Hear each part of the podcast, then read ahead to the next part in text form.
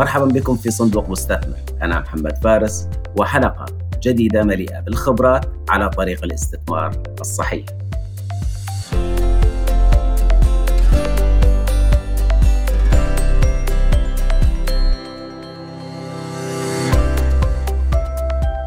أنواع التمويل الاستثماري. الاستثمار بطبيعة الحال في مرحلة التأسيس والنمو والتشغيل وكل مراحل حياته يحتاج لاستهلاك موارد. هذه الموارد هي موارد مالية، دعم فني ولوجستي واستهلاك لبعض الموارد الأخرى التي تؤثر في نجاح هذا الاستثمار. وفي هذا الحديث أنا أتحدث عن التمويل الاستثماري بالتحديد. هذا المصطلح أصبح كثير التردد في عالم الاستثمار. فما هو التمويل الاستثماري؟ ما هي أنواعه؟ وكيف يمكننا الحصول على التمويل الاستثماري؟ التمويل الاستثماري بطبيعة الحال هو عبارة عن مصادر مالية أو مادية تؤثر في تأسيس ونجاح وتشغيل هذا الاستثمار. ولأني أذكر أنه تمويل استثماري فهذا يعني أن هذا التمويل مرهون باستثمار يعود بالعائد على الأطراف الذين استثمروا من خلال هذا الاستثمار ومن خلال هذا التمويل الاستثماري.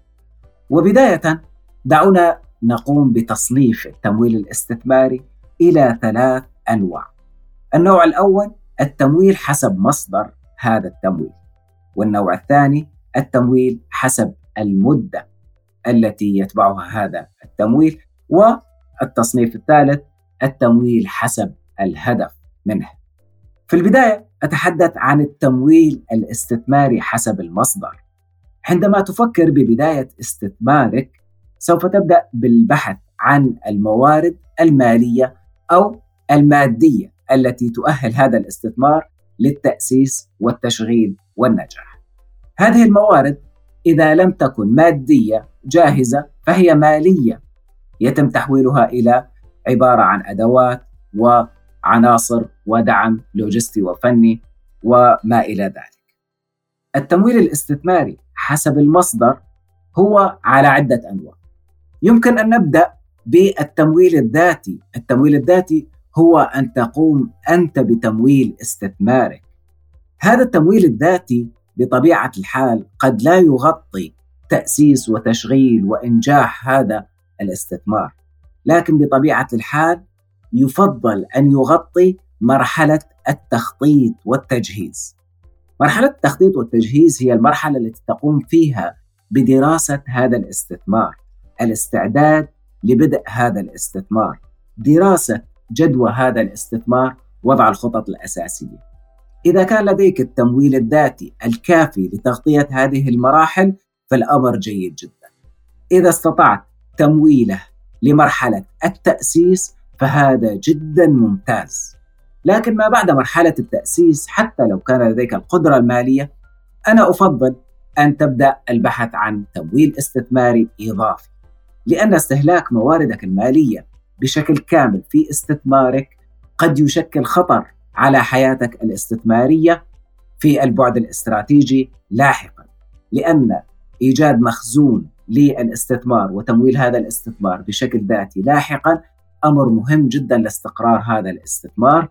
ولضمان عدم الحاجة لجمع التمويل مرة ثانية في مراحل حرجة إذا مرحلة التمويل الذاتي قد تغطي التخطيط، الدراسة، وقد تغطي التأسيس.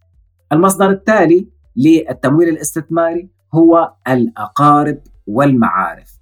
الأقارب والمعارف بطبيعة الحال قد يستثمرون معك بشكل بسيط، دعنا نقول عبارة عن دعم لإنجاح استثمارك أو إنجاح رؤيتك أو فكرتك أو لدعم حياتك العملية بشكل عام. هذا التمويل بطبيعة الحال لا يغطي مبالغ كبيرة جدا إلا في حالات خاصة. أنا أفضل أن تعتمد على هذا التمويل الذي يأتي من الأصدقاء، من الأقارب، من المعارف في مرحلة التأسيس. لماذا؟ لأن تمويل الأقارب والأصدقاء والمعارف لاستثمارك هو تمويل قصير الأجل بشكل عام. هؤلاء الأقارب والمعارف والأصدقاء لن يستطيعوا الصبر معك والإيمان بشكل كامل في استثمارك 100% ولأنهم بطبيعة الحال يمولونك بهدف دعمك كشخص فهم ليسوا متبنين لهذا الاستثمار بطبيعة الحال. وبالتالي يمكن أن تعتمد عليهم في مرحلة التأسيس فقط. لكن يجب أن يصبح استثمارك مؤهل للحصول على تمويل استثماري حقيقي والتمويل الاستثماري الحقيقي يأتي من المصادر التالي. التمويل التالي هو التمويل الاستثماري الحقيقي الفعلي وهو أن تحصل على تمويل لاستثمارك بناء على المقومات الحالية الموجودة فيه. قد يكون لديك الرؤية، قد يكون لديك الدراسة المبدئية، قد يكون لديك دراسة الجدوى، قد تكون بدأت هذا الاستثمار مررت بمرحلة التأسيس البسيط أو اجتزت مرحلة التأسيس. لكن لديك مقومات أساسية تؤهلك للحصول على تمويل استثماري. هذا التمويل الاستثماري يشكل رقم مناسب لضمان نجاح هذا الاستثمار. هذا التمويل الاستثماري يأتي من أشخاص أو شركات أو جهات أو مؤسسات بغض النظر عن نوعها أو شكلها أو حجم التمويل لكنه يغطي ميزانية تقديرية تكفي لمرحلة مهمة من حياة هذا الاستثمار. كيف تحصل على التمويل الاستثماري الكافي لاجتياز مرحلة حساسة ومهمة من حياة استثمارك؟ هذا أتحدث فيه في حلقة خاصة أذكر فيها كيف نمول استثمارات. لكن في هذا الجزء أنا أتحدث عن التمويل الاستثماري من أين يأتي وكيف يؤثر فمن أين يأتي؟ ذكرت أنه يأتي من مجموعة من الأشخاص أو الشركات أو من شخص واحد بناء على مقومات موجودة. وهؤلاء الأشخاص أو الجهات أو الشركات سوف يستثمرون بناء على مقومات حالية بناء على خطط حالية بناء على رؤية واضحة وأهداف وأدوات دقيقة تؤدي إلى نجاح هذا الاستثمار. يستثمر هؤلاء الأشخاص ليس بناء على أنهم يتبنون هذا الاستثمار وليس بناء على أنهم يريدون دعم هذا الشخص صاحب الاستثمار لكن يستثمرون بناء على ثلاث أسئلة أساسية. ما هو الاستثمار؟ كم يجب أن ندفع في هذا الاستثمار؟ وكم سيكون العائد على هذا الاستثمار؟ وهذا هو الاستثمار الحقيقي مشروعك. هذا هو التمويل الاستثماري الحقيقي لمشروعك. حتى تحصل على هذا التمويل الاستثماري يجب أن تفهم جزئيتين أساسيتين. الجزئية الأولى كيف تصبح مستثمر موثوق من قبل الممولين؟ وهذه أتحدث عنها في حلقة مستقلة. والجزء الثاني كيف نمول استثماراتنا؟ وهذا أيضا سأتحدث عنه في حلقة مستقلة إن شاء الله تعالى.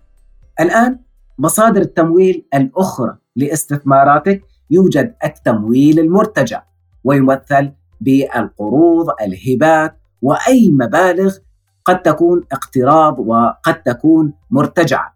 هذه المبالغ المرتجعة في أغلب الأحيان لا تكون مرهونة بزيادة، لا زيادة آه، مباشرة آه، مثل القروض ولا زيادة آه، بنسبة من الإيرادات، لكن بشكل عام هي عبارة عن مبالغ تمويل مستردة. هذه المبالغ يمكن الاعتماد عليها لفترات قصيرة لمعالجة آه، أحداث معينة، لمعالجة عجز معين وفي بعض الأحيان قد تكون طويلة الأجل وقد تكون بعوائد. الفرق الأساسي هنا أن هذه المبالغ سوف يتم استردادها وفق جداول زمنية واضحة لأن التمويل الاستثماري يتم استرداده من خلال النتائج المرجوة من الاستثمار، أما التمويل المسترد فهو يتم استرداده من خلال جدول دفعات زمنية واضحة، وهذا ما يشكل المخاطرة في الحصول على التمويل المسترد. لدينا أيضا نوع إضافي وهو التمويل عن طريق الدعم وهذا ما تمثله الحاضنات ومسرعات الأعمال وغيرها أو حتى الأصدقاء والشركات الصديقة التي تستهلك منتجاتك أو خدماتك. هذا النوع من التمويل هو عبارة عن توفير الأدوات، البنية التحتية، توفير التجهيزات، توفير العلامة التجارية، البنية القانونية وما إلى ذلك من الموارد التي يمكن أن يستهلكها استثمارك في سبيل النمو والنجاح والاستقرار. غالبا ما تكون هذه الأنواع من التمويل غير مشروطة بشكل أساسي وغير مستردة وقد تكون عبارة عن مبيعات مسبقة أي أن تحصل على مجموعة من الإيرادات المالية غير المستردة من خلال تقديم خدمات لاحقا بعد استقرار الاستثمار. وهذه من الموارد التي يجب أن تبحث عنها بشكل أساسي من البداية. أخيرا قد تحصل على تمويل غير مسترد عبارة عن هبات، مشاريع، مسابقات وكثير من أنواع المنح، لكن لا أفضل أن تبدأ التفكير فيها مع بداية استثمارك. لماذا؟ لأن هذه الأنواع من التمويل تشكل آه، عبء إداري على تفكير المستثمر لأنها تدفعه إلى الركود والركون وعدم البحث عن مصادر تمويل حقيقية ومؤثرة في استثماره. فيما سبق تحدثت عن التمويل من خلال عرض المصدر. أما ما أنصح به بشكل أساسي فهي الأنواع التالية: التمويل الذاتي، التمويل عن طريق الأصدقاء والمعارف، التمويل الاستثماري، التمويل غير المرتجع. وباقي الخيارات عرضتها كي تكون واضحة لك ويمكنك العمل عليها. أما عن التمويل حسب المدة وحسب الهدف فهي تتقاطع مع المصادر لكني أعرض هذه التصنيفات بشكل أساسي حتى تصبح الصورة واضحة.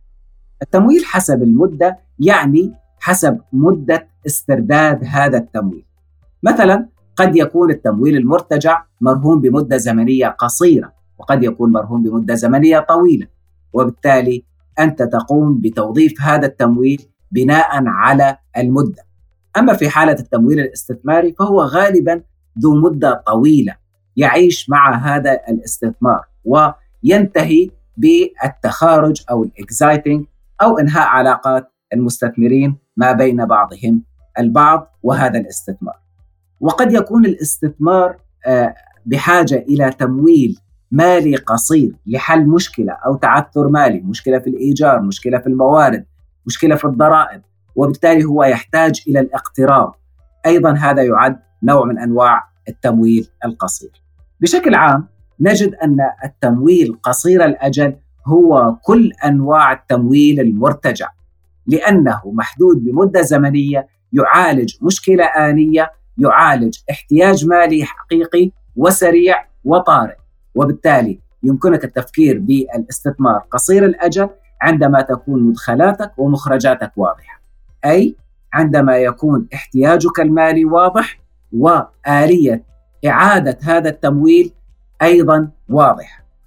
أما بالنسبة للتمويل من حيث الهدف فهو يتقاطع مع المصادر ويتقاطع مع المدة فقد يكون الهدف هو دعمك أنت كشخص مثل حالة الأصدقاء والمعارف قد يكون لدعم استثمارك وتبني فكرة هذا الاستثمار من خلال الدعم من خلال تقديم الموارد والتجهيزات واللوجستيك أو الهبات أو الجوائز المالية أو جوائز المسابقات هذه كلياتها في إطار آه، دعم استثمارك وتبني هذا الاستثمار أو قد يكون بهدف تحقيق دخل مالي ثابت ومستقر مثل حالات التمويل المرتجع التي تحقق تدفقات مالية مستقرة أو قد يكون أخيرا بهدف الاستثمار طويل الأجل كما هو الحال في التمويل الاستثماري. اذا في الحديث عن التمويل الاستثماري والحديث عن مصادره، عن مدته وعن الهدف منه يجب أن تعمل على التوفيق بين كل هذه الأفكار معا. لا تقم بطلب النوع الخاطئ من التمويل بناء على ردة فعل. أن تعمل بردة فعل يعني أن تخطئ أكثر وسوف يصبح الاحتياج المالي مثل كرة الثلج ينمو باستمرار وسوف تصبح في النهاية عبارة عن استثمار يستهلك التمويل في سد احتياج سابق ومن ثم يستهلك التمويل في سد احتياج سابق وهذه العملية سوف تجر الاستثمار إلى مرحلة الإفلاس من خلال سوء الإدارة. هذه هي المفاهيم الأساسية التي يجب أن تعرفها عن أنواع التمويل الاستثماري كي تحدد متى وكيف سوف تحصل على التمويل وكيف ستتعامل مع هذا التمويل بشكله الصحيح. ما هو التمويل الذي تفكر به؟ إذا الآن لديك الفرصة للاختيار من عدة أنواع من أنواع التمويل الاستثماري. اختر التمويل المناسب لك ولمرحلة مشروعك واترك لي ذلك في التعليقات. كنت معكم محمد فارس وبودكاست صندوق مستثمر.